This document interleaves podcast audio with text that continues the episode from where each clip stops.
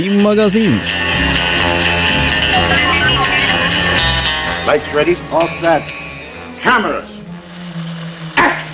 Ja, god dag, og velkommen til dagens sending med Filmofil! Woo! Vi er fulltallig panel i dag, faktisk, som betyr at jeg har med meg eh, Hans. Ja, Markus. Trine. Frida. Jeg heter Henrik. Oi, Frida, helt stille! Vent litt, Frida. Vent litt, vent litt, vent litt. vent litt. Nei, du får ikke noe stemme i dag. Beklager. Det blir, det blir for mye. Ok, nå, da. Vent litt, vent litt, vent litt. vent litt. Dette blir altfor fint på en gang. Hallo, Frida. Hallo! Teknikkmagikk her på Filmofil. I dag skal vi snakke om sci-fi.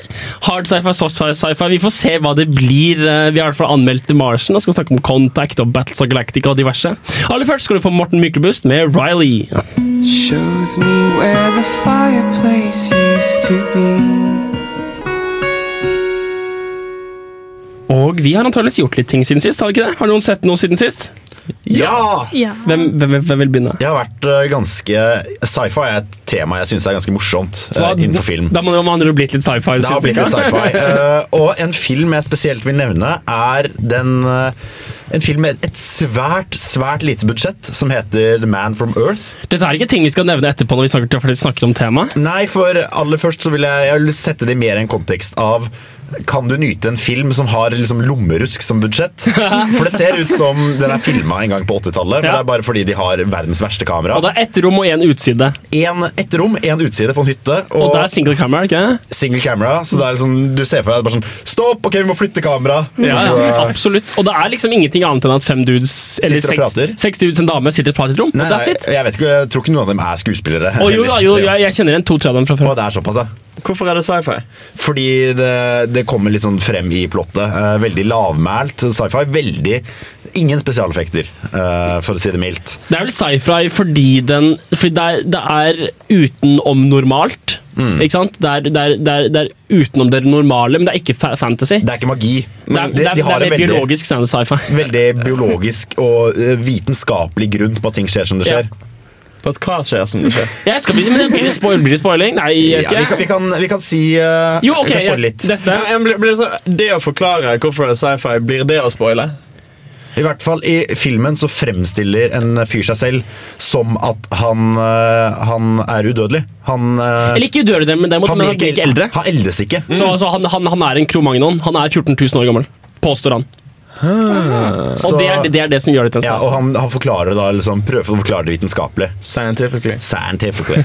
Så det er det jeg har sett, og det koste jeg meg egentlig veldig med. Det har blitt mye sci-fi i det siste. Jeg har, sett, eh, jeg har sett mye piloter. Det har kommet en ny, eh, ny TV-serie med John Stamos som heter, The- heter Grandfathered, som var dritfett. Det var faktisk ordentlig gøy. eh, Ordentlig god komedie. Jeg likte den veldig godt. Det var Overraskende og godt tempo og bra. Hva handler den om? Eh, Det handler om John Stamos, som er sånn playboy-dude i 40-åra. Som er- driver en restaurant og som er skikkelig kul. Og så plutselig så møter en, en dag så møter en, en kar på døra og bare 'Hei, jeg er sønnen din, og her er festen barnebarnet ditt'. Og hvordan han takler det med Og det funker kjempebra. For de av våre lyttere som eventuelt ikke vet hvem John Det er han er. fra Full House, han kule kjekke fra Full House. Eh, Nei, ok. du tuller nå. Nei. Hvordan kan det være bra? Det var dritfett! Nei, det var, det var det var. En annen serie der en perfekt person har blitt kasta til sin perfekte rolle, er, eh, er um, Å, Jesus H. fucking Christ. The Grinder. The Grinder Med han eh, Sam Seaborn fra, fra The West Wing, eh, som heter et eller annet. Nei, liker du noe som er relatert til West Wing? Eller Ja, men, er, det ikke, er, det ikke, er det ikke sånn alle sammen husker ting, nemlig ut fra The West Wing? Eh, nei, det er, det er veldig kult. Eh, Det er han um, Rob Lowe som spiller The Grinder, og det funker også kjempebra. Perfekt, perfekt for hans rolle. The Grinder. The Grinder. TV, og filmen Limitless med Bradley Cooper Det har blitt en TV-serie der de fortsetter i samme universet med samme filmotografien og samme greia. Men en dude som spiller, eh, spiller en dude som, eh, som får tilgang på pillen, da. Eh, For de av oss som ikke ser subplottet. Eh, Episode to var faktisk bedre enn episode én, så det funker kjempebra. Det har vært en del piloter, piloter i det siste. Vi skal komme tilbake til det på nyheter, faktisk.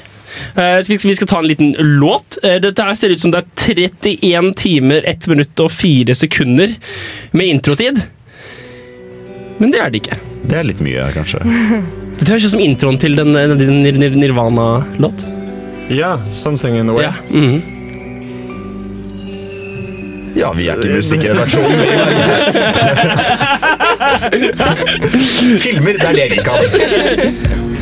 Jeg nailet jo assosiasjonen. Nevnte assosiasjonen, om ikke artikulasjonen. Dere får Reckless Souls med Firebird.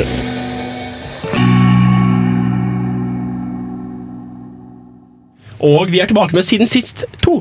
Det er nemlig det kreative navnet på oppfølgeren til Siden sist én, som, dere, som ble gitt ut for omtrent ti minutter, ti minutter siden. Siden sist to, Mimre Harder. Frida, da har du sett masse siden sist. Ja, det har jeg. Jeg har faktisk vært veldig flink på å se klassikere som jeg har sett før. Men som de jeg bor med, ikke har sett før. Eh, så jeg har fått vist fram Festen. En dansk, veldig flott film som jeg håper alle her har sett. Og jeg merker at jeg blir skuffet av dere av disse tomme, sauelignende blikkene dere sender meg akkurat nå. Det er ikke alle som har gått på dansk Nei, men- filmskole. Det er Festen! Det er jo, det er jo den beste dogmefilmen. Ok. Jesus Christ! Da må dere hjem og se på Festen. En i hvert fall helt nydelig film. Jeg er glad jeg kan gi deg, denne indignasjonen av å se ting vi ikke har sett. før.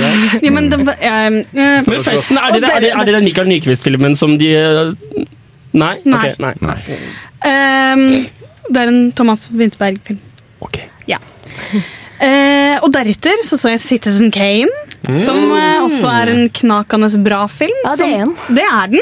Jeg blir ikke overrasket over hvor bra den holder seg. For den er så hypa. Sånn, Dette er verdens beste film, og så ser du den, så er man sånn Ha! det er jo en dritbra film. Shit.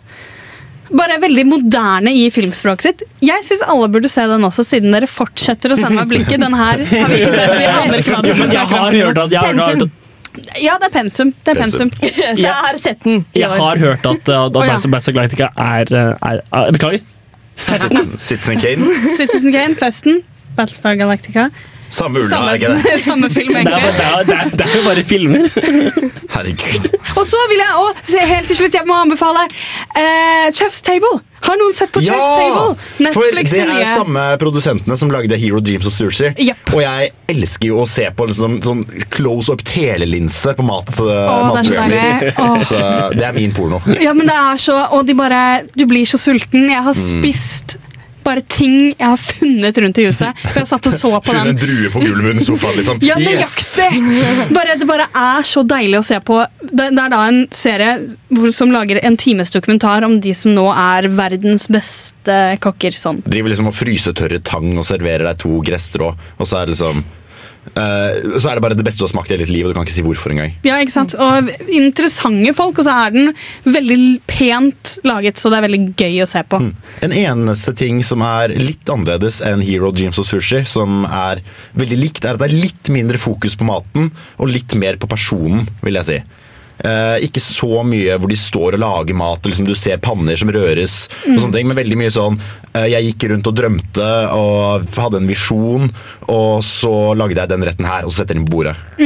Mye historien bak hvorfor de har da Ja. disse legendariske rettene Så Du blir ikke god av matlaging, men du lærer veldig mye om inspirasjonen til disse personene. det er, det er jo kunstnerportretter, egentlig. Ja. Eh, og du, det er mye sånn fjasete sånn It's about living a dream. Mm. Men jeg merker at det er deilig på en søndagskveld. Det er greit. Ja, dritbra.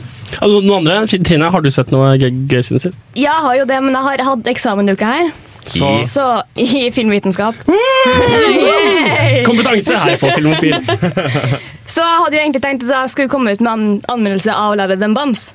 Men siden eksamensprepping og eksamen og eksamen Men du har sett Louder Than Bombs? Ja, jeg har sett Og- Louder Than Bombs. Var den bra? Ja, jeg liker den. Det er en veldig karakterbevisst film.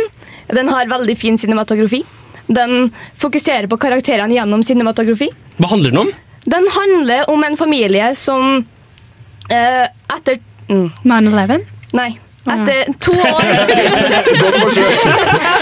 Good words! to år etter mora i familien har dødd, så, skal, så er det en person som kjenner som skal lage en avisartikkel. Og det yngste sønnen i familien, det er to sønner. Yngste sønnen vet ikke at mora sin bilulykke egentlig var selvmord. Så det, det går litt rundt hvordan alle i familien har takla denne, denne eventen i livet. Ja. Men Jesse Eisenberg er også med i filmen. Første filmen på lenge at jeg likte Jesse Eisenberg. Fordi han, han, han gjør mye av det samme som han gjør i andre filmer han er med i, men han gjør også noe litt annerledes. Jeg kan ikke forklare hvorfor jeg liker en så Nei, fordi Han er sånn type som spiller de samme personene i alle Ja, men her så spiller han jo en som har nettopp blitt far, og han har ikke lyst i Ja, det hele tatt. Så han stikker hjem, og så skal han hjelpe til å, å finne ut hvilke bilder de skal sende til et galleri som mora er med i. Jo, men Han er fortsatt en ung, tynn, høy Woody Allen. Ja, han er Ja. litt sånn. Hans, har du sett noe morsomt? Ja. Eh, jeg har sett en webseries som heter Videogame Video Game High School. Ja! Av Freddy, Freddy Freddy, Wong, Freddy Wong fra um, Rocket eh, School. Rocket Jump. Rocket Jump. Rocket Jump Film Som School. òg eh, lager den eh, YouTube-channelen Rocket Jump Film School. Og Freddy V-channel. Og tidligere verdensmester i, uh, i Guitar Hero. Guitar Hero. Mm. Stemmer. Eh, det er dødsgøy. Det handler om eh, det som Harry Potter, bare med dataspill istedenfor trylleri. Ja. Eh, Er det velprodusert nok? Fordi jeg har aldri giddet å se på det. det er kjempefint. Altså, altså, fordi hele Hele Rocket Jump sin greie er jo at de er folk som får til eh, CGI og filmtriks og kameratriks. og sånn Uten å bruke mye liksom på det. Uten å bruke mye penger og ressurser på det. Ja, Frida? Dere sa noe sykt, og så gikk dere ikke tilbake på det. Hvordan er det Harry Potter med dataspill, og ikke magi? Det er, de, de kommer inn i en verden, og så er det liksom, de går istedenfor School of Wizardry, så går de på School of Video Games. Og så er det liksom sånn, de kan teleportere seg inn i spill. Ne- ne- og litt. Det er en visuell representasjon Ja, av okay. de, at de spiller. Det er ikke magi, men det er ikke så langt unna. Poenget er at mye av det foregår jo mens de spiller kompetitivt mot hverandre. Typ, eh, de deles inn i sånn klaner. og sånn, oh, 'Du er sånn skytespillfyr, du er sånn racingspillfyr, oh, du er sånn fightingspillfyr'. Eh, og for å på en måte at det skal bli noe visuelt interessant, da, og ikke bare sånn folk som stirrer dødt på en PC-skjerm, så foregår scenene fra spillene som om det faktisk var de. Så scenene fra FPS-spillene som spilles, da er det de som løper rundt og skyter og uh, koser seg. Uh, men det jeg skulle si, er jo at uh, Rocket Jump og Freddy Wong uh, sin greie har jo vært det å lage billige spesialeffekter. Og få det til å se noenlunde kult ut. Og det er jo, altså det ser jo på ingen måte perfekt ut, men med tanke på at det er en webserie uh, som begynte på YouTube, helt eh, uavhengig av noen studioer og sånn, så er det kjempeimponerende. Mm. Ja, men det- det helt Og manus er velskrevet, kameraføring og regi og er helt spot on. Og Jeg er ikke så fan av hovedpersonen. da sånn, Jeg føler det er, Han ble valgt ut litt til rollen fordi han er fetteren til Freddy Wong. Men eh, Men jeg er helt enig. Jeg, jeg så første episode. Og da var jeg litt sånn, ja, dette er jo potensielt kult, men altså, hovedkarakteren er dødskjedelig. Ja, men spesialeffektene er dritfete, og det er jo det de kan, virkelig. Det var jo også litt sånn han eh, godeste fyren som lagde District 9 og Elysium. Ja, og Neil. Blomkamp. Neil Blomkamp, takk. Han eh, er jo også sånn spesialeffektfyr som begynte å lage store filmer. Så kanskje kanskje noen år så ser vi regissert av Freddy Wong. Det er nok fremtiden, det, men det er ikke nødvendigvis slik at det kommer til å være innenfor det formatet som hvor man sier regissert. Altså, det trenger ikke være en storfilm, en spillefilm, det kan være en storbudsjett YouTube-film. For, eksempel. for YouTube skal jo begynne med samme som Amazon og Netflix, nemlig produsere film selv. Ja, jeg ser meg han som en kandidat. Absolutt. Vi skal ta og høre låt. eh, Det er Susanne Sundfør med 'Kamikaze', featuring Steve Angelo og Ann 21.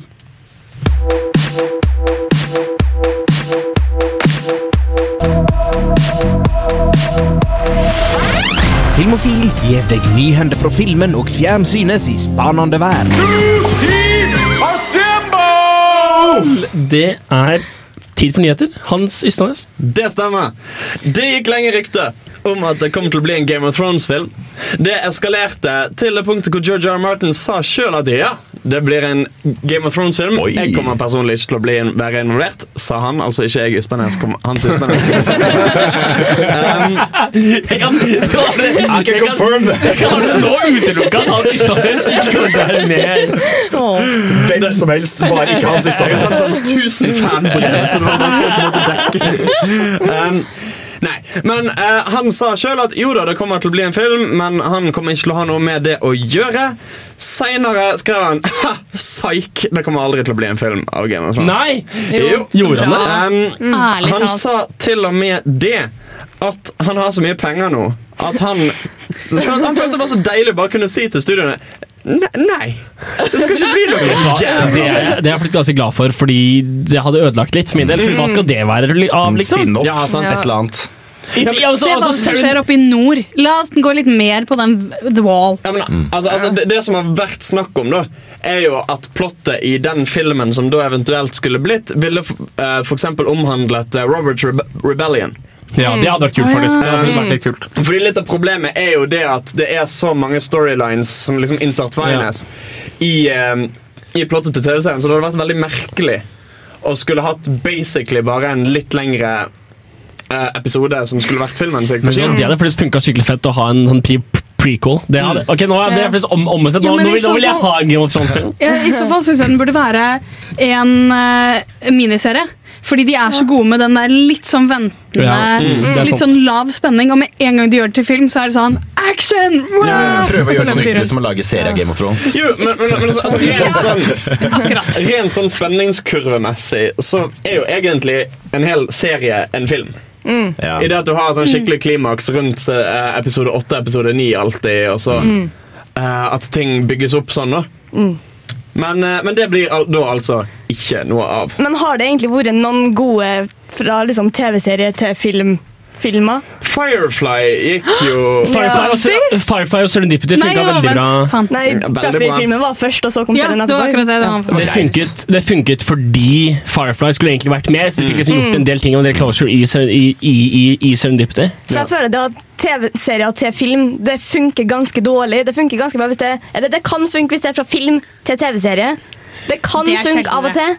Men det virker som at når det blir film, så blir det for mye som ikke nevnes, og alle sammen kommer til å bli skuffa uansett. jeg er helt enig, og det, det samme skjedde med for eksempel Simpsons The Movie. Og der har de folka sagt at når de nå gir seg om en stund, uh, så kommer de antakeligvis til å lage en film etterpå. For da har de tid til å bruke all tida si på film. nettopp. Eh, vi, det blir jo ikke et skikkelig nyhetsstikk uten at jeg snakker litt om mine to favorittregissører i hele verden. Phil Lord og Chris oh, Miller. ja, dette leste jeg faktisk tidligere Ja, i dag. for de skal ikke lage Lego-film. Eller det skal de jo. Jo, men det er ikke det som er saken nå. De skal ikke lage Star Wars-film. Eller jo, det skal de jo, men det er ikke det vi skal snakke om akkurat nå. Oh, I see what you did De skal lage TV-adopsjon av Serial. Altså podkasten Serial. Som jeg har fått anbefalt av sånn 17 folk i nå i to år. Det er bedre kjent som podkasten alle sier du må høre på. Det er jo litt spennende, da. Fordi uh, Serial er jo en veldig sånn seriøs dokumentarbasert eh, serie om, om mordetterforskning. Mm -hmm. Og de har vi jo laget stort sett ganske morsomme komedier før. Ja. Ja. Så det blir jo litt sånn uh, et litt, litt ny sjangerretning. Faktaopplysning. Skal du si det? Jeg skal Jeg, si noe. ja, eh, de skal lage den om eh, den journalistiske etterforskningen av mordet. Så ikke Stemmer. om selve saken, men om hvordan hun, journalisten jobbet med å eh, snakke med han, få han til å åpne seg. Få alle til å åpne seg. For hun er bare fantastisk. Hun er et bra menneske. Sa hun med lukkede øyne i studio.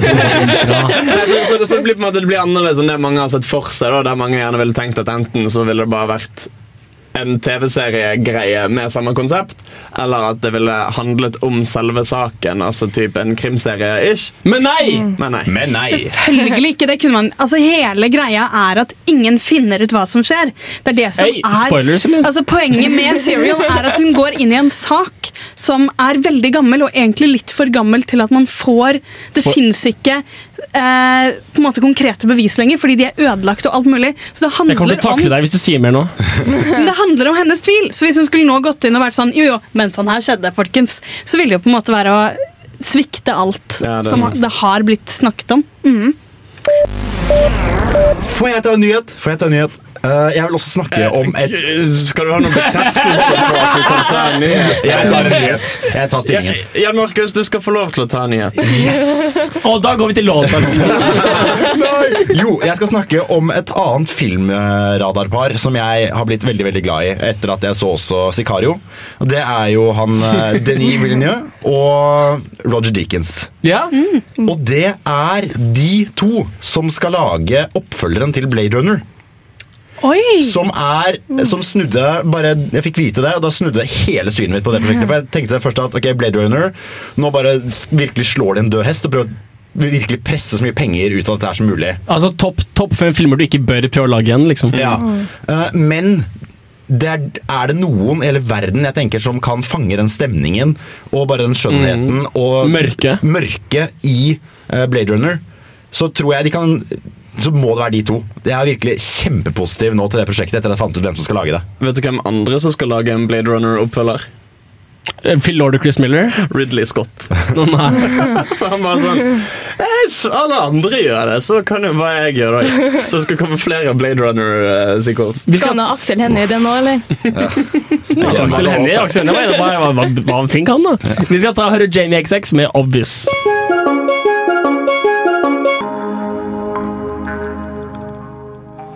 Jeg sier ikke at det var en litt rolig og stille sang, men pling! Velkommen til stikk nummer fire. Her er det nyheter to. Ja visst. Og vi skal åpne med at Paul Feig, eller Feig, eller Feigi, eller hvordan du uttaler det etternavnet. Det skrives F-E-I-G-E. Send oss gjerne inn på Facebook eh, hvordan du syns det uttales. Um, han har en plan. Det er da altså the mastermind bak eh, Marvel Cinematic Universe. Og det han har sagt i et intervju, som er litt interessant, er at han har, han, han har planlagt i veldig stor grad nøyaktig hvordan de grove trekkene av storyen skal skje i Marvel Cinematic Universe i overskuelig framtid. Det han òg har planlagt, er hvordan han skal gjøre det hvis han får tilbake rettighetene til karakterer han ikke har rettigheter til. Ah, så kult. Ja, fordi uh, Han fikk spørsmål da eh, hvordan det var å plutselig få lov til å bruke Spiderman i eh, Captain America Civil War, som Ja. kommer neste, mm. sommer. uh, når de da allerede var så langt på vei i planlegging og, um, og skriving og alt Ja. sånn. Eh, og det sa han nei, det hadde vi allerede tatt høyde for. Nei, så kult. Så, så de var sånn altså, altså, det, det er nesten som en sånn her flowchart. Ja. Uh, Har du Spiderman? Nei. Spiderman? Nei, greit. bruk Dette manuset. så, så, så de har planer klare da, for alle de ikke har rettighetene til. Er det flere? Ja. Ja. Det vil da være X-Men, som eies av Fox. Eh, Fantastic Four, som eies av Sony. Uh, Wolverine, som også eies av Fox. Uh, Silver Surfer sur Silver Surfer. Surfer, Surfer som også eies av eh, Sony. Og Deadpool og Cable, som er vel Fox, hvis jeg ikke tar helt feil. Jeg husker ikke. Jeg tror det. Det blir fort litt blanding. Men poenget er at de har planer for alt det her hvis eh, de skulle lette på det rettighetsbehavende sløret. Daniel Craig skal forbi, forbli James Bond Yay. så lenge Oi. han klarer. Oi, fordi det var, jo- det var jo masse bråk i forrige uke. Eller forrige, forrige uke Det var om at- masse bråk for to uker siden. Eh, det har Daniel Craig latt merke til òg. Nei, det som er, det som er tinget da er at det har, det har vært litt ting som er blandet her. Fordi at etter Skyfall så sa James Bond at han var jævla lei. Eh, ja, at Daniel Craig satt den hele veien. James Bond-karakteren har vel ikke tenkt å gi seg. Daniel Craig sa at han var lei. Jeg er litt sliten, så stor Nei, nei. Nå skal jeg si storene okker seg om litt. Uh, Ja. Ja. Ja, det hadde, hadde, hadde vært morsomt om noen, om noen hadde sagt det. Det hadde vært hysterisk morsomt. Men eh, han kan nå avkrefte det, ikke bare fordi at kontrakten hennes tilsier at han skal spille i enda en James Bond-film. Men fordi Sean Connery spilte til han var 70, så skal faen meg Daniel Craig få å avslutte karrieren sin der også. Nettopp. Um, Nå var det ikke det som avsluttet karrieren til Sean Connery. Nei, det var ikke det. jo Og han spilte ikke til han var 70 heller. Nok om det. Um, det han har sagt er at det er jævla slitsomt å være James Bond. Han må trene jævla mye og pushe seg jævla mye. Men Au! Faen, det var nesten øyet ditt. Det var, det Med en skarp blyant. Ja, ja, fortsett du. Han, han syns det er slitsomt, men har lyst til å fortsette så lenge han Au. Det var hardt. Eh, så lenge han orker. Um, fordi internett har jo klikket helt vinkel med hvem de helst vil at skal bli James Bond. Idris Elba, bare, han, han, er, han, Ja, han er ikke nå, svak nok. nå har de, de har faktisk kjørt litt polls på det. Og rekkefølgen, sånn som folk vil, det de mest vil Ja. til uh, Eller de fem, fem på topp akkurat nå, er nummer én Damien Lewis. Ja! Bedre kjent som fyren fra Homeland. Han må, han må bare farge Åh. håret sort, men bort fra det, så Han kunne vært en James Bond. Ja da. Tom Hardy er på andreplass. Eh, Han er, er ikke han litt waste som Det James ville Bond? blitt en veldig karakterbytte for han. For han, han spiller Ja. best som han derre Bronson-galmannen og som Mad Max-karakteren. Han er, han er best. Litt sånn brute force-type. Ja, men, også, men som også har veldig mye uttrykksevne i den stillheten. Ja. Dritgod skuespiller. Ja, ja. Ja. Men, men han har ikke den der suavheten. Den Nei. har, eh, han Han har jo sikkert. Det ja, bare er sånn waste. Sånn, Er, er, er Adrian Lester på lista? Han er fra The Hustle? ikke på topp fem. På plass nummer tre Idris Elba. Ja. Yay! Fire David Oliovo. Hvem er det? Det er Han spilte, han spilte uh, Martin Luther King i den uh, Selma-filmen. Å ja, han, ja! Så han er kul. Og på femteplass, men ikke minst, Henry Cavill. Altså Det er han fra Blue Collar. Fra The Man from uh, Uncle og, han, ja. Superman. Ja.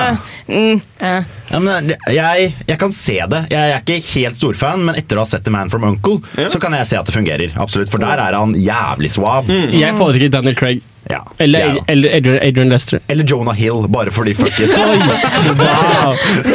Det er bare fordi fuck it. Da med regi av uh, Lorden Miller. Som i Top Gear så hadde det vært uh, James Bonds American Fat Brother. Jeg hadde sett det. Um, den neste Mary Poppins kan bli Anne Hathaway. Ja, men det passer jo. Ja.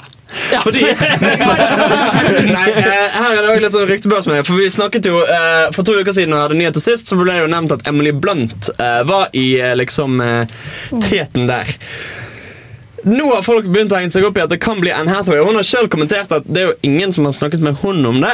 Fuck det. Eh, men det har seg jo sånn at Anne Hathaway er barnebarnet til Julie Andrews. Oi! Er hun det? Hun er det. De spilte Nei. sammen i Princess Diaries. I know. Ikke sant? Og så er de faktisk i familie! Men, men hun har selv sagt at dette har hun egentlig ikke så lyst til. Så hun er sånn Kanskje, kanskje hun er Emily Blunt gjør det?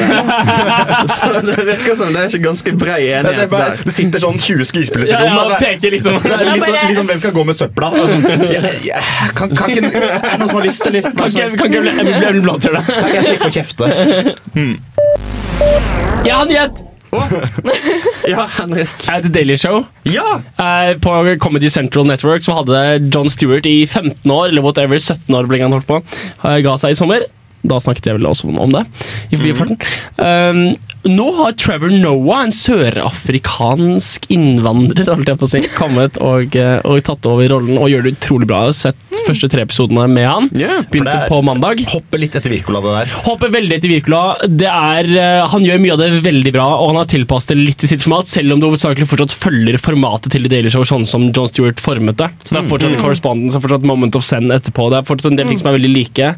Eh, men han har virkelig hit the ground running. Altså. Det har funket funket veldig bra, og han har også inkorporert litt av sine egne ting med stemmer og litt sånn, så det funker veldig bra. Men tror du ikke han har lagt seg noe så jævlig i selene for å følge opp Jo. dette her? Jeg tror han liksom har sittet hjemme og hatt sånn der eh, moment of truth, sett seg selv i speilet og sånn Der klarer du! Kom igjen! Kom igjen! Oh! Men det skal jo si at han har en historie på å være litt sånn i, i motvind. Fordi han, har- han var også litt sånn halvveis pioner på hjemmebane i, i Sør-Afrika med, med å være en, en, en komiker som hadde store one man shows og sånn. Fordi etter apartheid så tok det litt tid før fargede komikere, eller før komedie standup som et eget som en sjanger, ble stor. Så han har vært litt sånn i motvind hele veien. Så jeg tror han, jeg tror han er ganske flink som person til å takle disse store utfordringene.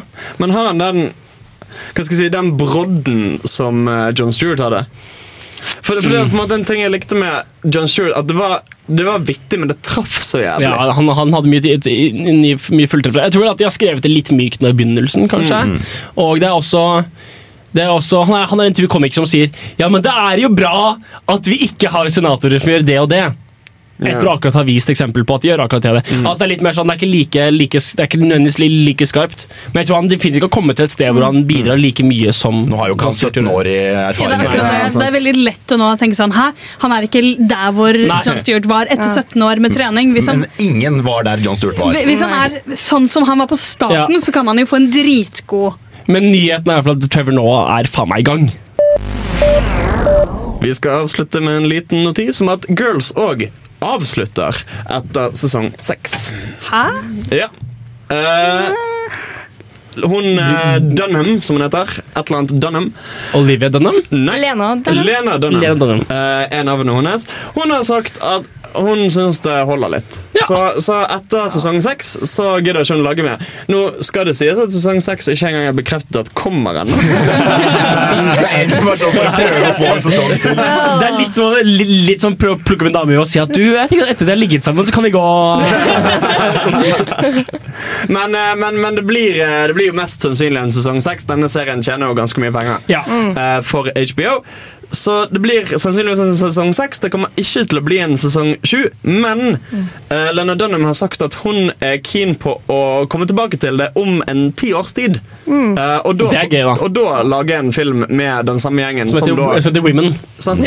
Eh, som da typ 30-40-somethings istedenfor 20-somethings. Men det er jo greit at det slutta nå, da, fordi at serier er gjerne det er gjerne bra når det varer i fem-seks sesonger. Ja, når det går over det, så blir det veldig mye, som Supernatural, eksempel, som starter sin ellevte sesong neste uke. Ja, men Hun har jo sagt det selv, at Hun er veldig fan av den britiske modellen. Altså der for eksempel The Office i Ja. Storbritannia er to sesonger. I eh, USA er det syv eller åtte, tror Ja. jeg. Vi skal ta og få litt musikk. Dere får Fiddler med Drone her på Radio Volt på Filmofil.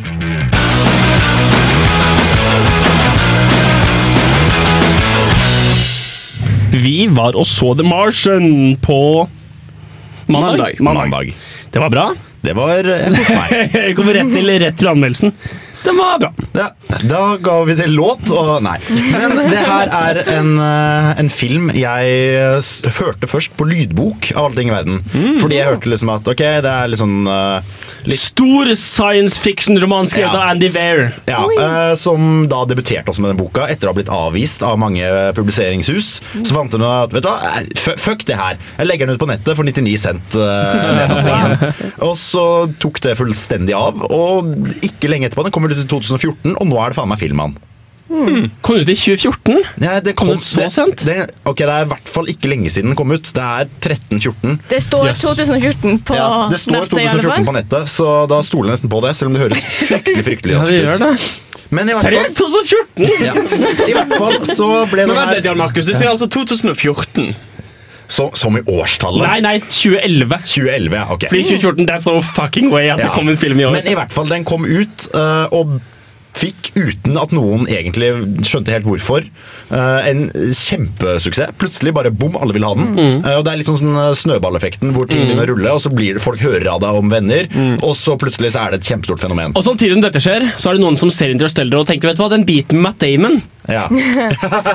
den vil jeg se mer av. Den er kul. Den vil jeg se mer av. Jeg vil, vet, vet, vet, jeg vil ha- jeg vil ha- en eneste lang film av bare Matt Damon som er alene på planet. Så det vil jeg ha. Jeg digga jo boka, absolutt, øh, og var derfor veldig gira på å se filmen. Og har da laget en liten anmeldelse som jeg syns vi kan høre.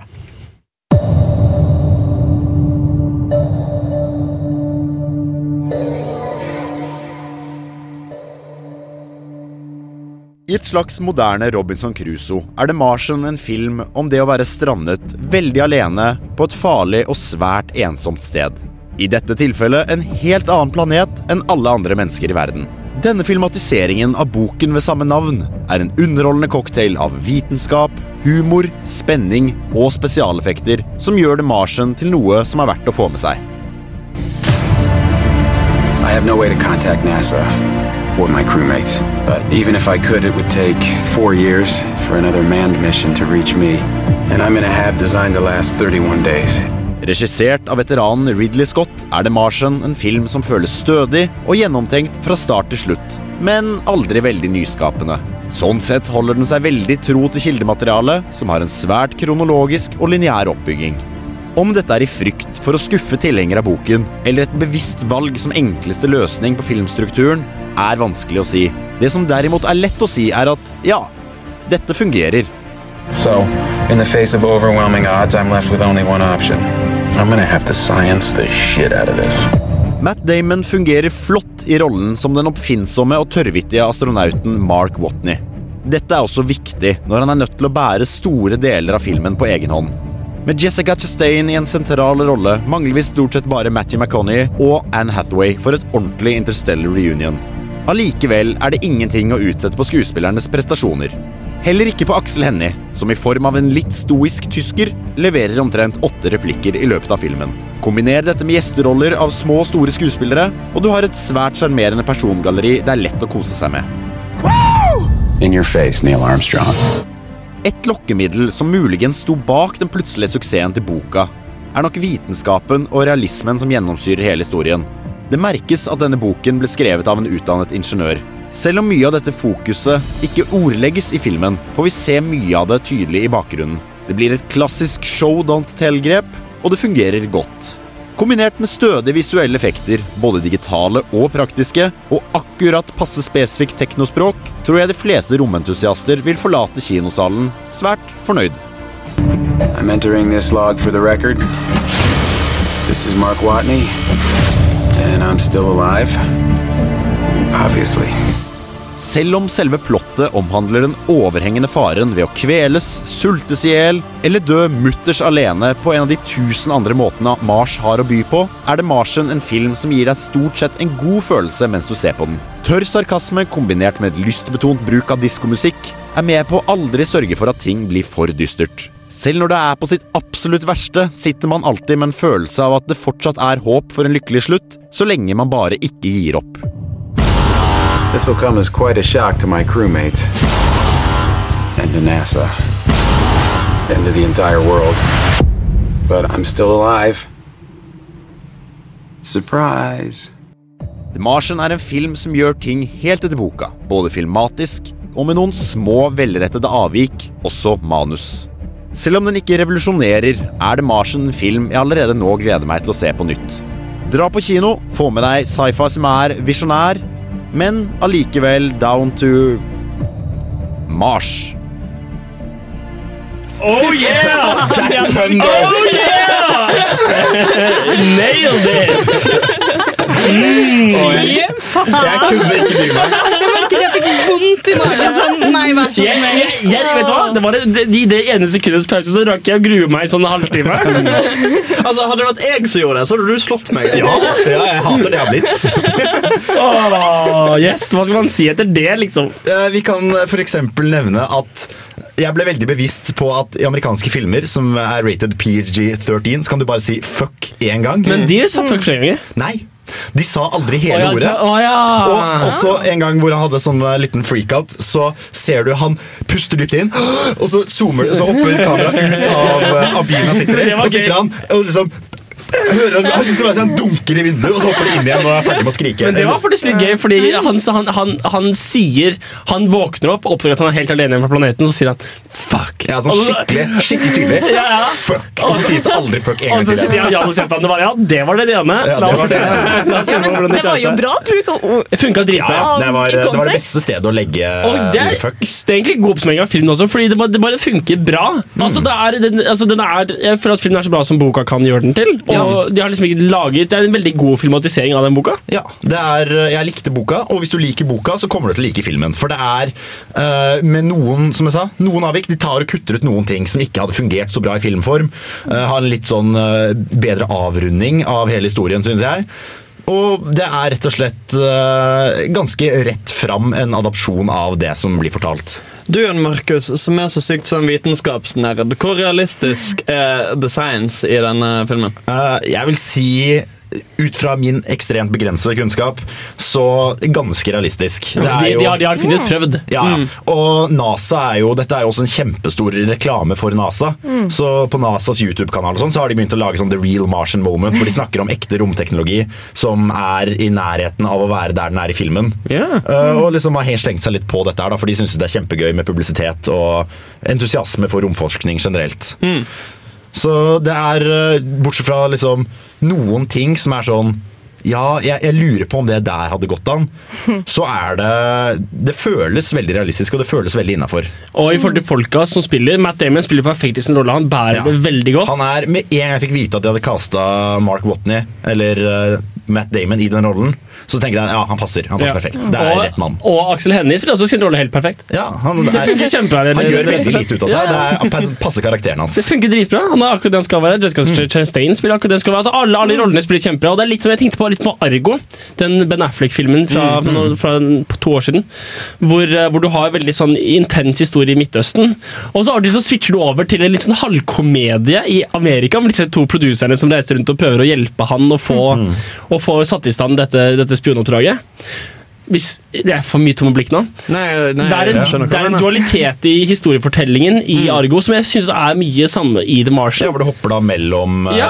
astronauten og NASA. Fordi du har et nesten totalt separat plott med hva som foregår i JPL Labs, altså Jet Propulsion Labs og NASA. Hva som skjer der, og liksom samkjøringen mellom der og Asia og liksom diverse greier. Så det blir en parallell storyline. Ja, Mer eller mindre. absolutt. Og det, og, og, og, og det funker veldig bra. Mm. Det er rett, The Martian er rett og slett en film som bare funker. Ja, og det er, det er fint, jeg vil si en stor, storskjermfilm som man burde nesten sende, sende på kino. Jeg koser meg. Vi skal ta og høre ABBA. Dance What? Ja, det, jeg, det du da du ikke så på, så har jeg i The Martians ånd kuppa musikkvalget og lagt inn uh, diskomusikk som han er nødt til å høre på hele filmen, for det er eneste musikken de har med seg.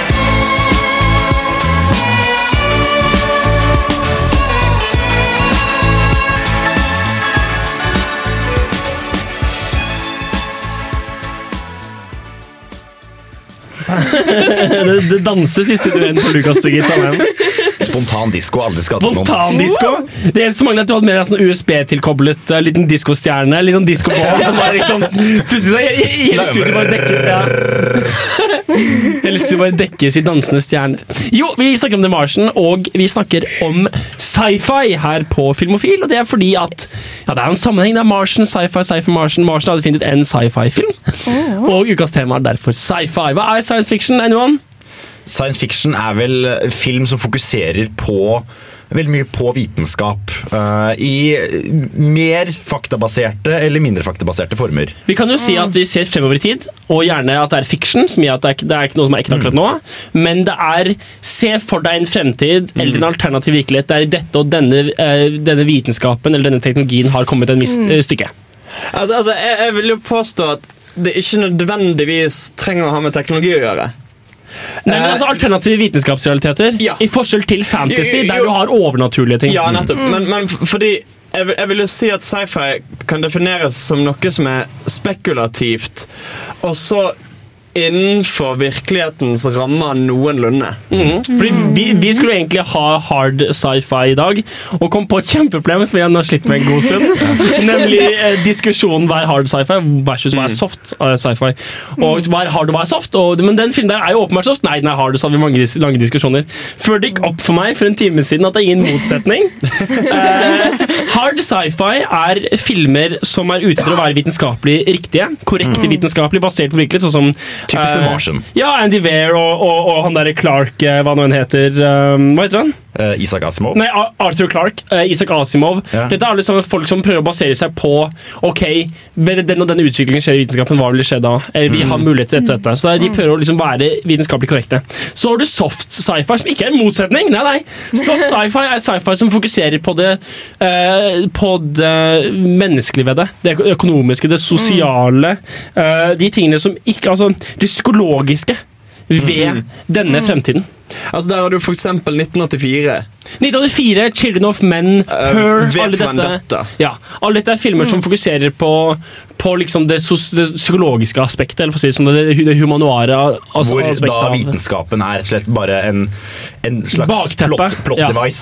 for, for å kunne gjøre dette mulig, så må vi ha den og den vitenskapen. Ok, men da har vi den vitenskapen. Hva skjer nå? Mm. Og innenfor, altså, Dette er egentlig, mer, måtte, egentlig ikke så mye sjanger som det er des, beskrivelser av ting Ja, ja. innenfor sci-fi. For det må jo sies at det er liksom ikke noe klart skille. Det kan være begge deler. Ja, ofte, ofte Og det, det vil jo være begge deler. Og jeg leste veldig, en veldig, veldig kult sitat som heter at en god sci-fi-forfatter han, han, han, eh, han forestiller seg en bil, mens en dyktig sci-fi-forfatter han forestiller seg bilkøen.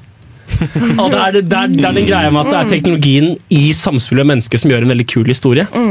Og det er jo artig en artig måte å se på det på. For en sci-fi-forfatter som jeg vil si på i all grad kun ser for seg bilen, er han som skrev Ready Player One. Nå, Jo, det her. La meg forklare dette for deg. Meg rask, rask disclaimer. Jeg elsker Ready Player One. Hans hatet den. Hat er et sterkt ord. Eh, Jeg syns ikke han var så kul. Eh, fordi der beskriver de bilen. Det er sånn Se på alle tingene vi har! Vi har denne tingen, vi har denne tingen, vi har denne tingen. La meg forklare og trykke ned i jævla strupen på deg alt Unnskyld, dette innebærer. unnskyld, unnskyld, Hans. Jeg er en ny lytter som nettopp har tunet inn og aldri okay. hørt om Ready Player One. Ready Player One er en bok som handler om en fremtid hvor eh, alt handler om dataspill og 80-tallsreferanser. Skrevet av Ernest Klein og ganske nylig. Hans, yeah. hans første bok. Pro hovedproblemet mitt med den er jo nettopp det at den beskriver en framtid i altfor stor detalj. Det, det forklares som om hovedpersonene forklarer det til folk i vår tid. Eh, det er sånn, Det er sant. Dette er en ting vi har i framtiden, og dette er en bok vi leste. Husker dere 80-tallet, alle Ja, sammen? tenkt Mens i en film som for eksempel Her, der vil jeg si de veldig stor grad beskriver bilkøen. For der brukes det Ja, veldig det lite tid på nøyaktig hvordan fungerer denne lille smarttelefonaktige tingen vi har. Hvordan fungerer disse operativsystemene vi bruker. Hvordan fungerer alt dette? De bare viser deg konsekvensene av det, og så må du sette sammen litt sjøl. Å ja, ok, den tingen fungerer sikkert sånn og sånn. Ja, for hvem er det som hver gang man åpner PC-en sin, er sånn Ok, alle sammen, la meg ta en sånn kjapp rundown av hvordan Ja, denne sant. funker.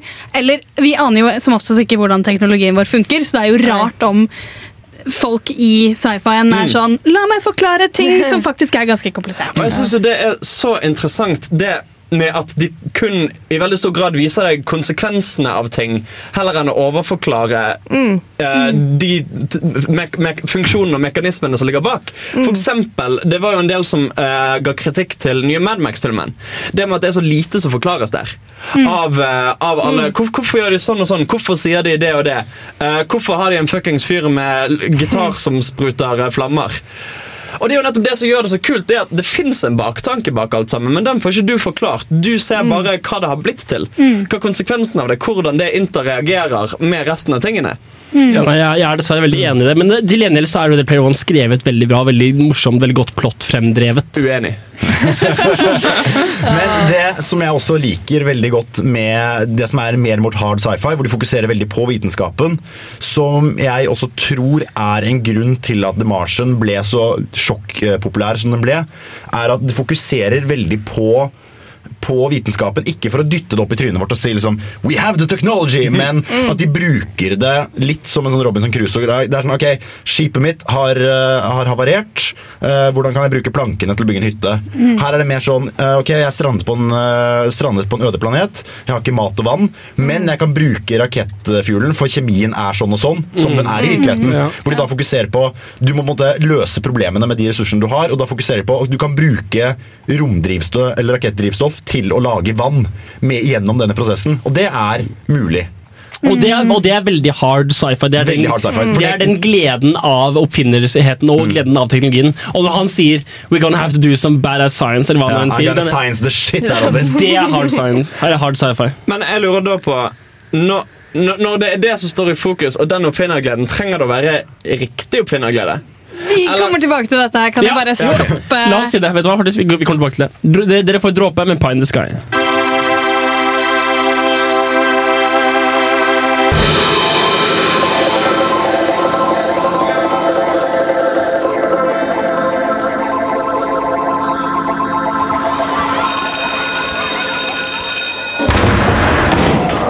There will be no foolish wand waving or silly incantations in this class.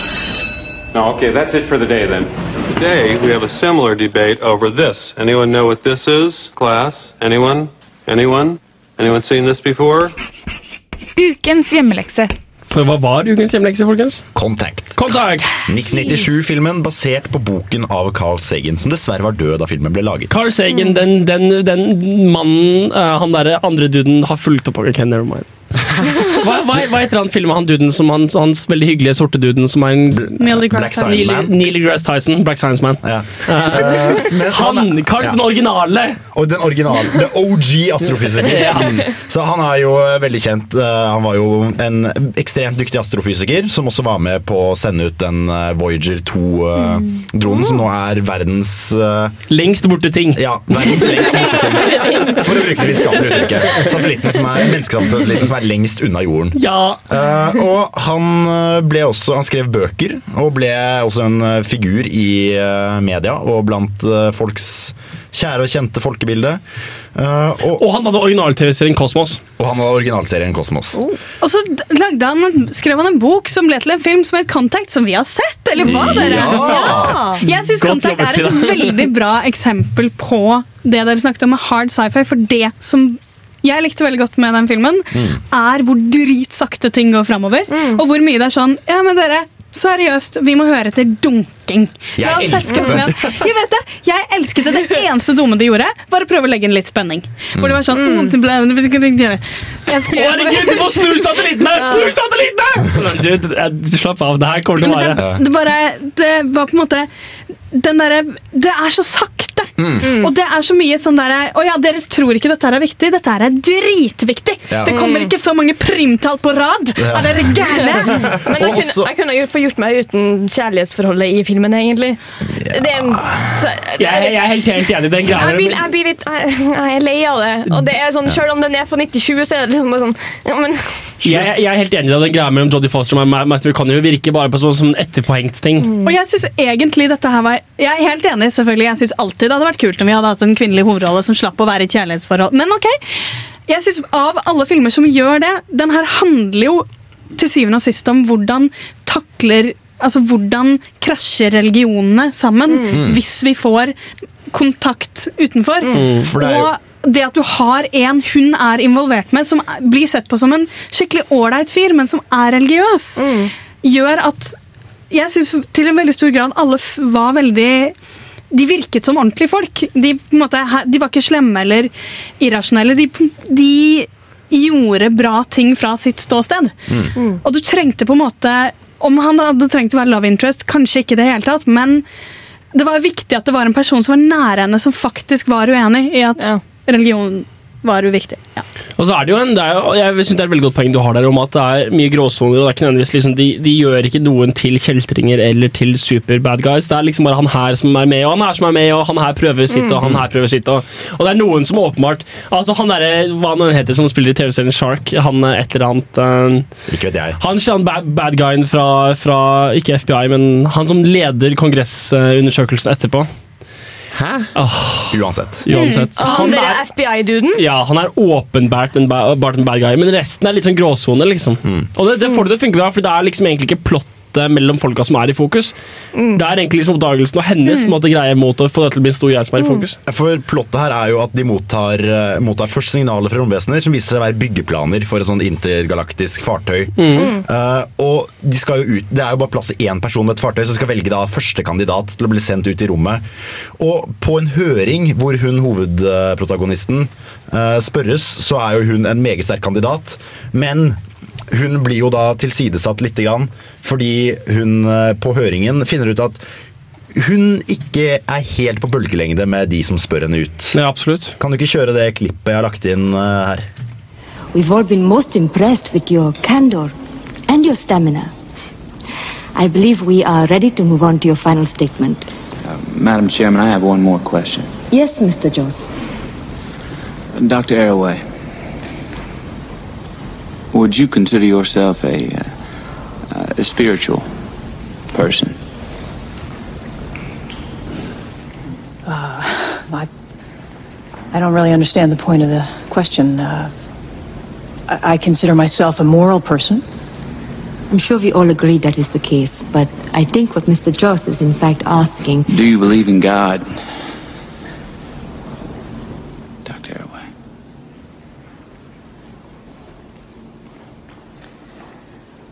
As a scientist, I uh, rely on empirical evidence, and uh, in this matter, I, I don't believe that there is data either way. So your answer would in fact be that you don't believe in God. I, I just I don't understand the relevance of the question. Dr. Arroway, 95% of the world's population believes in a supreme being in one form or another. I believe that makes the question more than relevant. Og det er en interessant balanse mellom, eh, mellom, som kommer frem i filmen mellom liksom, menneskelig natur og behovet for, eh, for religion. Mm. Selv om det tallet 95% det er jo bare tatt ut av tynne lufta. Ja, ja. Men det er uh, veldig kult, den der konflikten mellom vitenskap og religion, og hvordan det noen ganger eh, Måten det brukes på, kan gjøre at det krasjer fullstendig, eller at det kan gå hånd i hånd. Og så synes jeg synes det er altså, i, i Fritt for å spoile filmen, men vi kan vel spoile hjemmeleksefilmer. Yeah. Uh, slutten er på en måte realistisk også. Ikke sant? De finner ut at ja, nei, det var ekte, men la oss bare få det til å virke som det ikke er ekte. Så er det Mm. greit. Så er det lett. Ja. For der sier hun også at uh, hun er jo ikke religiøs, men hun sier på en måte at dere må bare tro meg på dette her. Ja. Sånn, Men vi har ikke noe bevis. Ville du Ja. trodd deg selv? Ja, nei, det ville jeg ikke. Det ville jeg ikke gjort. Nei, så til, til, til, til, til For å oppsummere, likte noen lik, likte folk filmen? Jeg likte den. Veldig Ja, den godt. var, den var veldig Jeg tror jeg har sippet så lenge for at det var den jeg måtte se. Jeg, jeg vil ikke se, Kan ikke jeg selv se Gutta Guy eller noe? Men uh, det var en film som funker på tross av tempoet sitt. Liksom. Og på tross av det er ganske low-fi. Altså, det, er, det, er, det, er ikke, det er ikke moderne spesialeffekter. Nei. Men det Nei, men det, det er jo veldig Det ser veldig riktig ut i forhold til hvis de hadde mottatt det akkurat Ja. der og da. Men det jeg er sånn avslutningsscenen, når hun er i den derre runde Bobla. bobla, den, den den They ah. should have sent a poet. Men det var, så, det var så fine bilder. Det var så, det var så, det var så magisk, på en måte. Yeah. Så det var liksom Du, du kom inn i hennes hode på en måte og satt der bare Og vi skal ta og prate litt mer om eh, sci-fi, med nå som vi har introdusert Contact. Dere skal få Forever Light med Smoke. Og jeg skal bruke neste syv sekunder på å anbefale dere å like oss på Facebook-siden, for det burde dere gjøre. På Filmofil på, på Facebook. Ja. Mm, -hmm.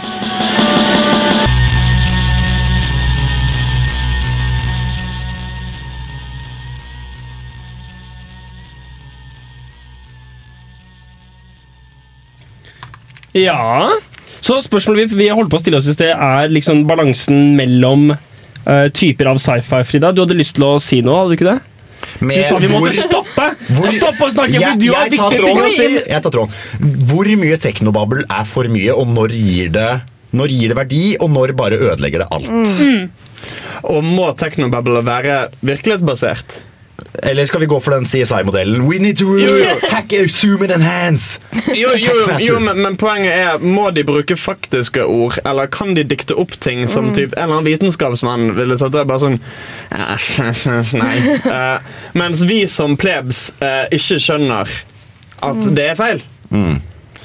For å være hard sci-fi, må det være faktisk grunn til virkeligheten, eller må det være grunnet til på en måte én virkelighet? Det er jo på en måte Det, er jo, det må jo bli en grense på hvor strenge man kan bli på dette her. Fordi Hvis ikke så krever det sånn Nei, vet du hva, vi skal skrive om framtiden, så må du faen meg finne opp ting også. Ja, ja, Og du kan ikke kreve ja, ikke sant?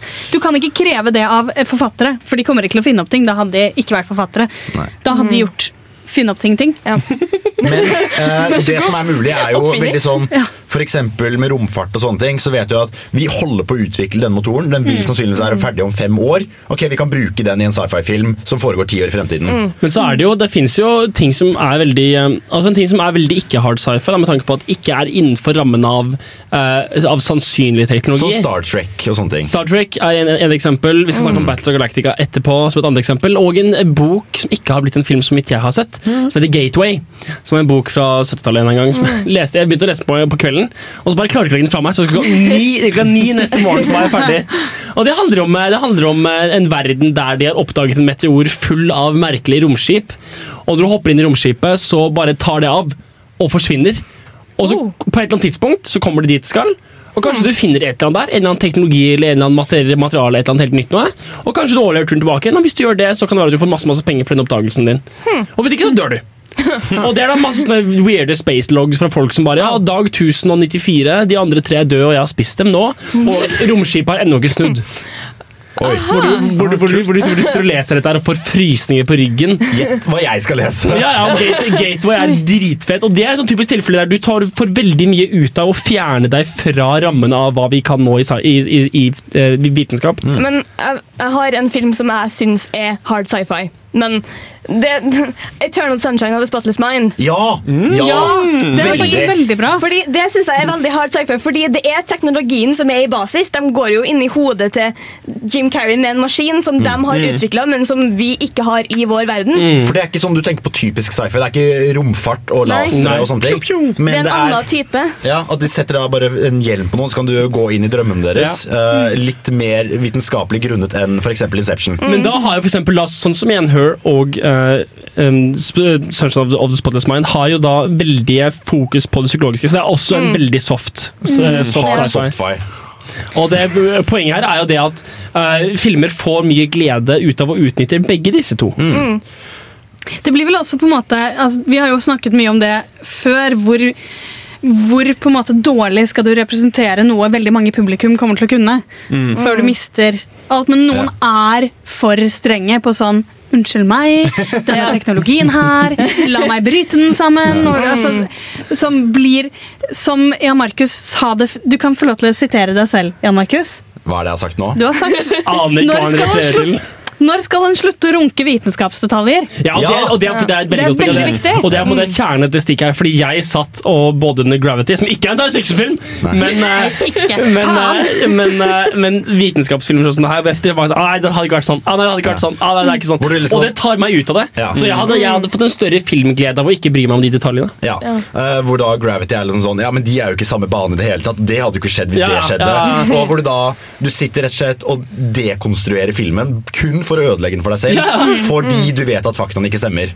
Og da er det nesten sånn sett egentlig bedre å bare drite i alle hard sci-fi-greiene og heller bare ta det. Ja, nei, det, han bare teleporterer. Og der har du en som er på akkurat det der, en som jeg syns gjør det veldig bra. Primer. Fordi yeah. jeg er litt sånn, De snakker hele tiden på en måte som gjør at du skjønner de to vet hva de snakker om. Eh, dette er da en film om to stykker som lager en tidsmaskin. Er det ikke ja, tre? Ja, i hvert fall. Jeg Uh, har hørt den er ekstremt forvirrende. Den er Ja. helt latterlig forvirrende. Og du skjønner om Fordi de snakker hele tiden som to mennesker ville snakke til Mm. hverandre. To høyt, høyt utdannede mennesker som virkelig vet hva de driver på med. Altså, det er jo ikke en dråpe eksposisjon i filmen. Ikke, et, noe Du aner ikke hvorfor de først bygde Og det funker veldig bra for dem. Det funker kjempebra. Vi skal høre Bendik med Siste gang.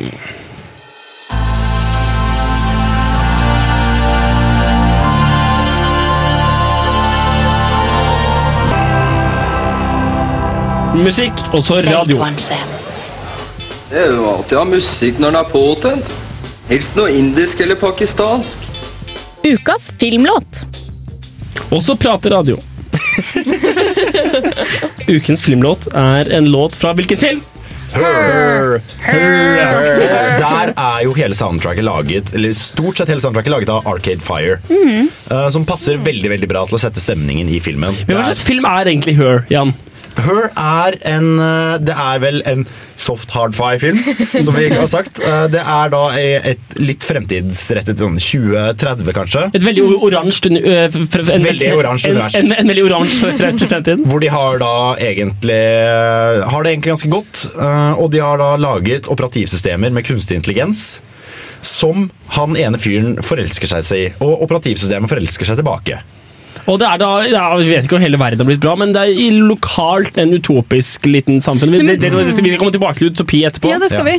Men eh, det som er så veldig flott med den, den tar jo noe på en teknologisk detalj og sier sånn Hvordan hadde vi faktisk reagert på Mm, ja. eh, kunstig intelligens? Og i stedet for sånn Den er ond, den snur seg mot seg. Mm. Mot deg, så er det litt sånn Ja, men kanskje hun hadde fått litt komplekser da for å ikke ha en kropp? Ja, og så er det sånn veldig Hvordan hadde det vært hvis maskinen faktisk var menneskelig? Ja, ja.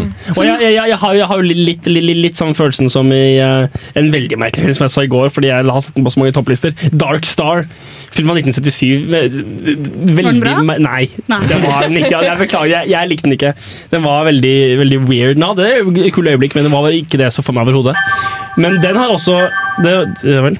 Den har også eh, eh, den greia med å prate med artificial intelligence, hvor den i Dark Star de sprenger stjerner, sprenger planeter, og bombene er AI. Oh. Og så, altså, det er en bombe som kommer ned, og så sitter den fast og til å sprenge sånn, sprenger om 14 minutter. Nei, ikke gjør det da! Kom igjen! Jo. jeg kommer til å sprenge om 14 minutter. Ja men, ja, men har du tenkt på hva du er? Ja, nei, jeg er en bombe. Ja, hva er din mening? Nei, det er å sprenge. Ja, men hvordan vet du at du er Nei, jeg, fordi jeg tenker, og så er det sånn en lang sånn greie. Og det, det, det er jo veldig spennende her med AI, og Her, Ja. og Her er veldig begrenset innenfor seg selv. Ja. Den gjør ingenting mer enn det. Det er bare Joaquin Phoenix i den rollen som kjempeflink. Mm. Veldig pent laget film, og den ideen om hva som Men- skjer hvis du kan prate med PC-en din. Den tar jo en idé som vi har utforsket i hjel, og klart å gi den noe nytt. Ja. Sånn, Mm. dere, vi er ikke egentlig så redd for at de skal Eller hva om de faktisk ikke snur seg mot oss? Hvordan takler vi om vi plutselig har mennesker som er Ja. ikke kroppslige. Og Det, de har på en måte, det ene er jo samfunnets stigmatisering av det. Sånn, Du kan ikke forelske deg i en maskin, en jævla svette kjellernerd. sant? Eh, og så har du også den andre at hvis du faktisk er i et forhold med en maskin, så er det sånn Ja, nei, jeg lurer på hvordan det fungerer, spør han liksom sånn i en setting i filmen. Men hun bare Ja, jeg har googlet det 14 millioner ganger nå, her er svaret. Så liksom sånn hvordan det er å egentlig date en gud uten kropp. Og der, der har du et veldig kult eksempel på hvordan hard sci-fi Hvordan det er realistisk med et AI, OS, AI, Mm. og hvordan det er realistisk at samfunnet skulle reagert på det. Og veldig kult opp mot hvordan dette ettergjorte mennesket. Så hard sci-fi og soft sci-fi må gjerne gå sammen for at det skal bli en spennende film. Og så er det en veldig varm og god stemning i filmen som er kjempe... Blant annet pga. fargepaletten. Eh, hvilken låt er det vi skal høre på? Det er Song on the Beach, som er en av disse låtene som er laget av Arcade Fire til sangen til filmen Her.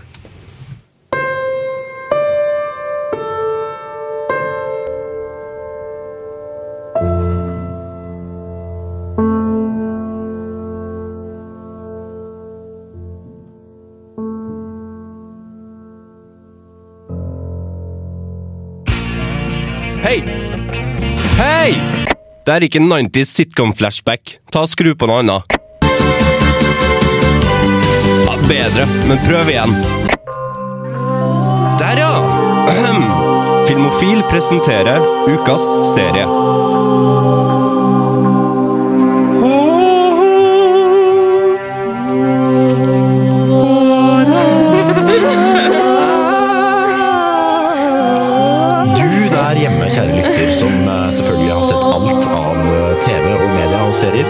Gang, fordi du hører på Filmofil. Du klarer kanskje å høre hvilken serie dette er. Den filmmusikken bare grep alle, så alle ble stuck i en sånn der Det er da selvfølgelig Battlestar Og det passet så bra med. Så skulle nesten tro vi hadde planlagt. Eh, Battlestar Galactica er en rasende flott eh, serie som eh, handler om det er jo det som Her klarte å unngå, da, men Battlestar Galactica gjorde det på en veldig bra måte. Mennesket skaper maskin, maskin blir behandlet dårlig, maskin stikker av. Jo, men det er ikke det som er historien til BSG. Nei, nei. Historien til BSG Dette er at- forhistorien. Nei, nei, nei, ja, nei, men Mennesker blir ikke behandlet dårlig. Eller maskinen blir ikke behandlet dårlig. Maskinen bare oppdager at «Å, nei, men dere er jævlig dårlige for verden, så vi må bare, dessverre bare bli kvitt dere. Nei, det er det som skjer nå. Altså, det var en, 30 år siden, så, så var det en Cylon-krig. ja. Hvor menne- altså, Cylonsen er disse maskinene de lagde. Og de bestemte seg for vet du hva, dette finner vi oss ikke i. Så var det krig, så stakk de. Så har de bestemt seg for at eh, mennesker er dårlige. Men ok, La oss ikke gå for mye inn på det. Jeg velger å akseptere deres versjon. Og så er det jo på en måte om hvordan mennesket For det, nå ser de ut som mennesker. Mm. De, de er helt umulige å skille. Og de er også veldig mange av dem programmert til å ikke vite at de selv er maskiner. Så de da, når, eh, når de trengs, så bare sender moderskipet en, eller sånn et signal, og så plutselig er de murderer. Men, men de, det, Med kniv, gjerne sånn. Poenget, poenget er at de andre maskinene vet heller ikke Nei. hvem som er Cylon. Så da har du veldig automatisk allerede bare ut fra plottet. Spenningsmoment. uh, altså Det skal jo sies at det som skjer, er jo at uh, alle de tolv menneskelige planetene teppebombes med atomvåpen. Mm. det Så allerede i første episode Første andre episode Så er det bare rundt 50 000 mennesker igjen. Og alle sammen er på liksom fire skip, og vi møter liksom en gang president. Ja, Det er en del skip. Ja, Men, ikke sant? Og vi møter, vi møter liksom presidentdamen som bare har liksom på tavla så har hun en liten sånn whiteboard hvor det står et tall. Og hun bare ok, Hvilke valg kan jeg gjøre for å redde resten? Det er så mye ansvar! Jeg liker at du latterliggjør det at hun må ta valg som på en måte Jo, men det er, der, det er derfor jeg ikke så serien. Fordi det var bare så kjedelig, den åpninga. Jeg, ble- jeg, jeg interesserte meg ikke. Jeg, ikke noe, ja, jeg brydde meg ikke om personen. Jeg brydde meg ikke om noe. Det var pent laget, det var det absolutt, men jeg bare gadd ikke. Jeg brydde meg ikke. jeg syns den var rå. Hvert fall når du starter på den miniserien som man kan anbefale folk før de starter på hele prosjektet, som er å se alle sesongene. Men miniserien handler jo bare om krigen.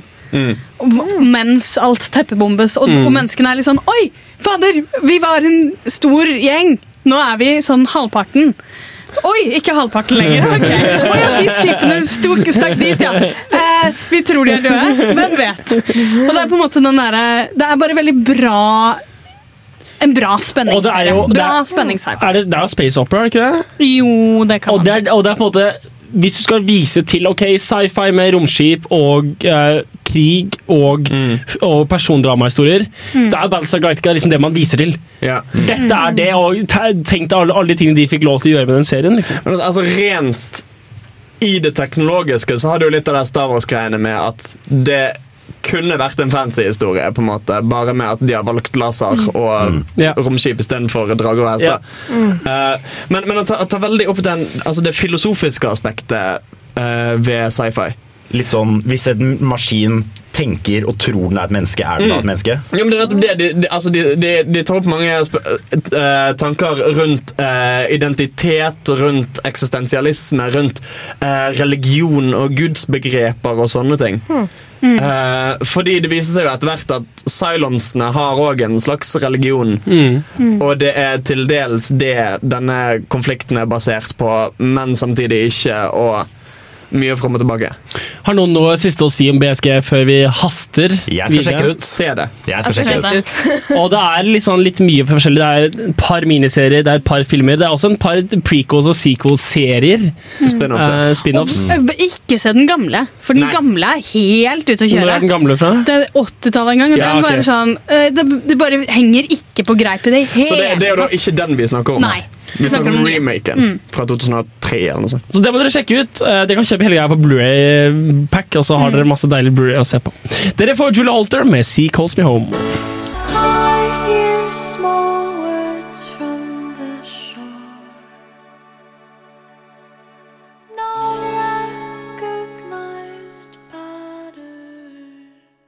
Når vi nå nærmer oss slutten av sendingen, hva skal vi si da? Det fins jo Jeg vil prate mer om sci-fi. Ja, ok. For Sci-fi er jo uh, Vi har vært inn på dette med liksom, når er for mye teknobabel for mye. Men sci-fi føler jeg også har to ganske klare inndelinger. Du har sånn utopisk sci-fi, som er litt mer Star Trek, at, uh, og Her, hvor menneskeheten har utviklet seg teknologisk, og det har gått så bra at Mm. nå har vi egentlig bare andre problemer vi møter på. Mm. Hvor Star Trek møter på liksom, eh, romvesener og krig og sånne Ja. ting. Mm. Og Her møter på at vi er mennesker som bare ikke fuckings klarer å være lykkelige uansett hvor bra vi har det. uh, og så har du da dystopisk sci-fi, som er det er at vi har funnet opp noe som fucka opp hele menneskeheten. Ja, så det er- som Terminator, Ja. og ting snur seg mot oss. The Grey Goo. Akkurat så det ene Frida studerer nanoteknologi. Yay! Jeg skal vie mitt liv til å lage Grey Goo. Du har jo òg tilsvarende som ikke er teknologisk basert. For V for Vendetta, for eksempel, som er en dystopi i den grad at det har trukket tetrismen ut til de liksom mest ekstreme Mm. eh, gradene. Og så har du litt kombinasjon dette her. At en ekstern faktor har fucka opp, men teknologi er det som redder oss. Interstellar? Litt, ja, for eksempel Interstellar, hvor da uh, nøytrinoene muterte eller noe sånt nå. uh, og jorda går til helvete. Men vi har men, Så er kanskje favorittsitatet mitt. Uh, men hvor de da har en ytre faktor som fucker opp hele jorda, men vi har romteknologi, som er vårt siste håp. Det er rett og slett menneskelig teknologi som kan sørge for å redde oss fra utryddelse.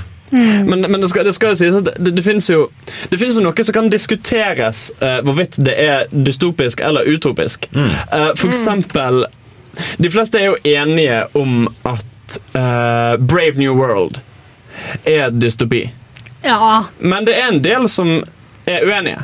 Som mener at ja, men hallo. De det, er jo altså, det er en naturlig utvikling, liksom. At det er Nei, sånn det nei, men kommer til å det bli. at folk er jo fornøyd. Ja, ja! Det syns jeg også er ikke Altså, altså, rart. altså fordi For eh, de uinnvidde Brave New World handler jo det om at vi begynner å dyrke fram unger.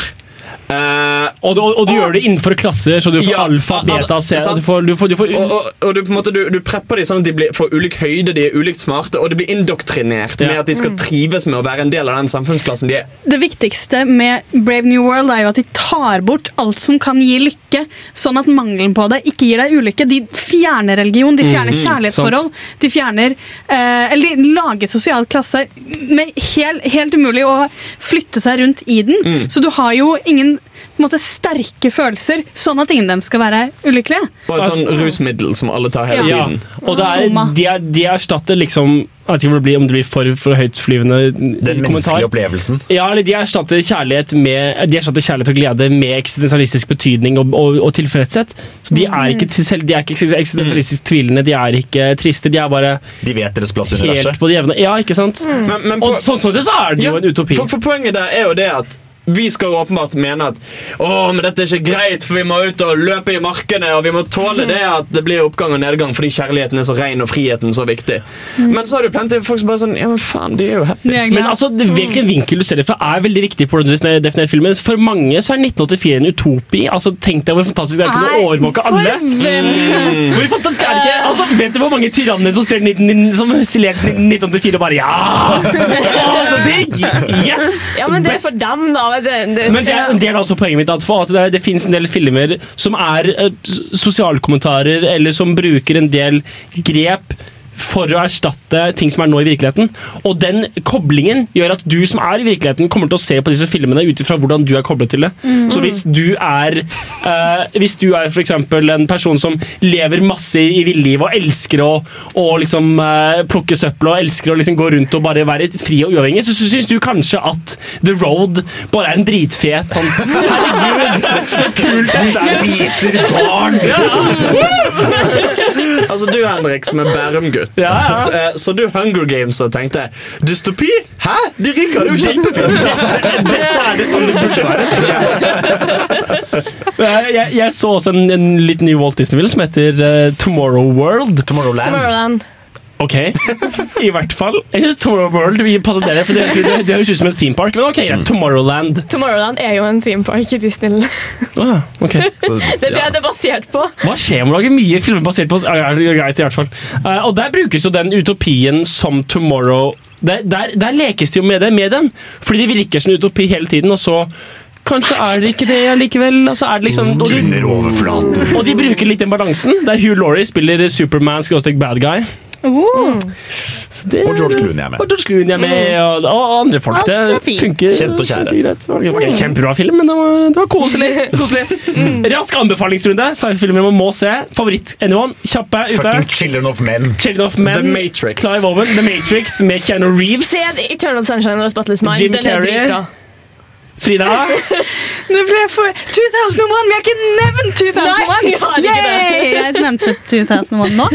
Bra jobbet! Godt jobbet, Frida. Takk, takk. Dere skal få eh, Graveyard med The Apple and The Tree her på Filmofil. Kommer det musikk, ja? Mm, musikk.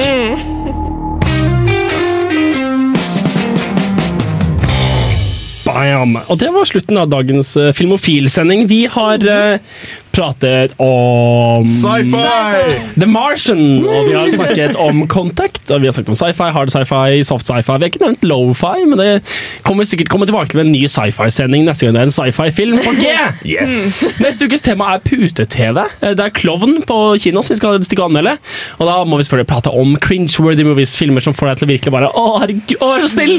Å! Og jeg spoler alltid. Uh, ukas hjemlekse har vi ikke helt kommet frem til. Skal vi ta Superbad? Skal vi Altså Det er jo veldig mye mer utbredt TV-ting enn det er en Ja, eh, masse serier, ikke så mye film. Så hvis folk ser Superbad, og så tar, blir det kanskje litt sånn seriefokusert, Curb Your Enthusiasm, den type ting Det har vært uh, en veldig fin sending. Jeg vil gjerne takke deg for å lytte, kjære lytter. Det er bare å lytte neste gang også. Det har vært uh, Henrik Ilen Ringel, Hans Ysternes. Jan Markus Johannessen. Trine Mogård. Frida Hempel. og vi har, vi har sett, setter veldig pris på at du hører på. Det er kjempelang introtid nå. også deilig. Look to the stars. Skille ned. Snart helg. Snart helg. Snart helg. Snart helg. Mm. Snart helg. Du kan godt høre på, eh, høre på andre radioprogrammer også på, på, på, på Radio Revolt. Hvis du er fan av vitenskap og sci-fi, hard sci-fi spesielt, så kan du høre på uillustrert vitenskap. For Ja. Nerdeprat, for eksempel. Også en god mulighet der. Gaming. Vi prater mye om eh, Garasjen er gøy. Eh, Alle elsker mandag Eller gøy. Ja. Nei, men fra en god helg, da. Ha det bra.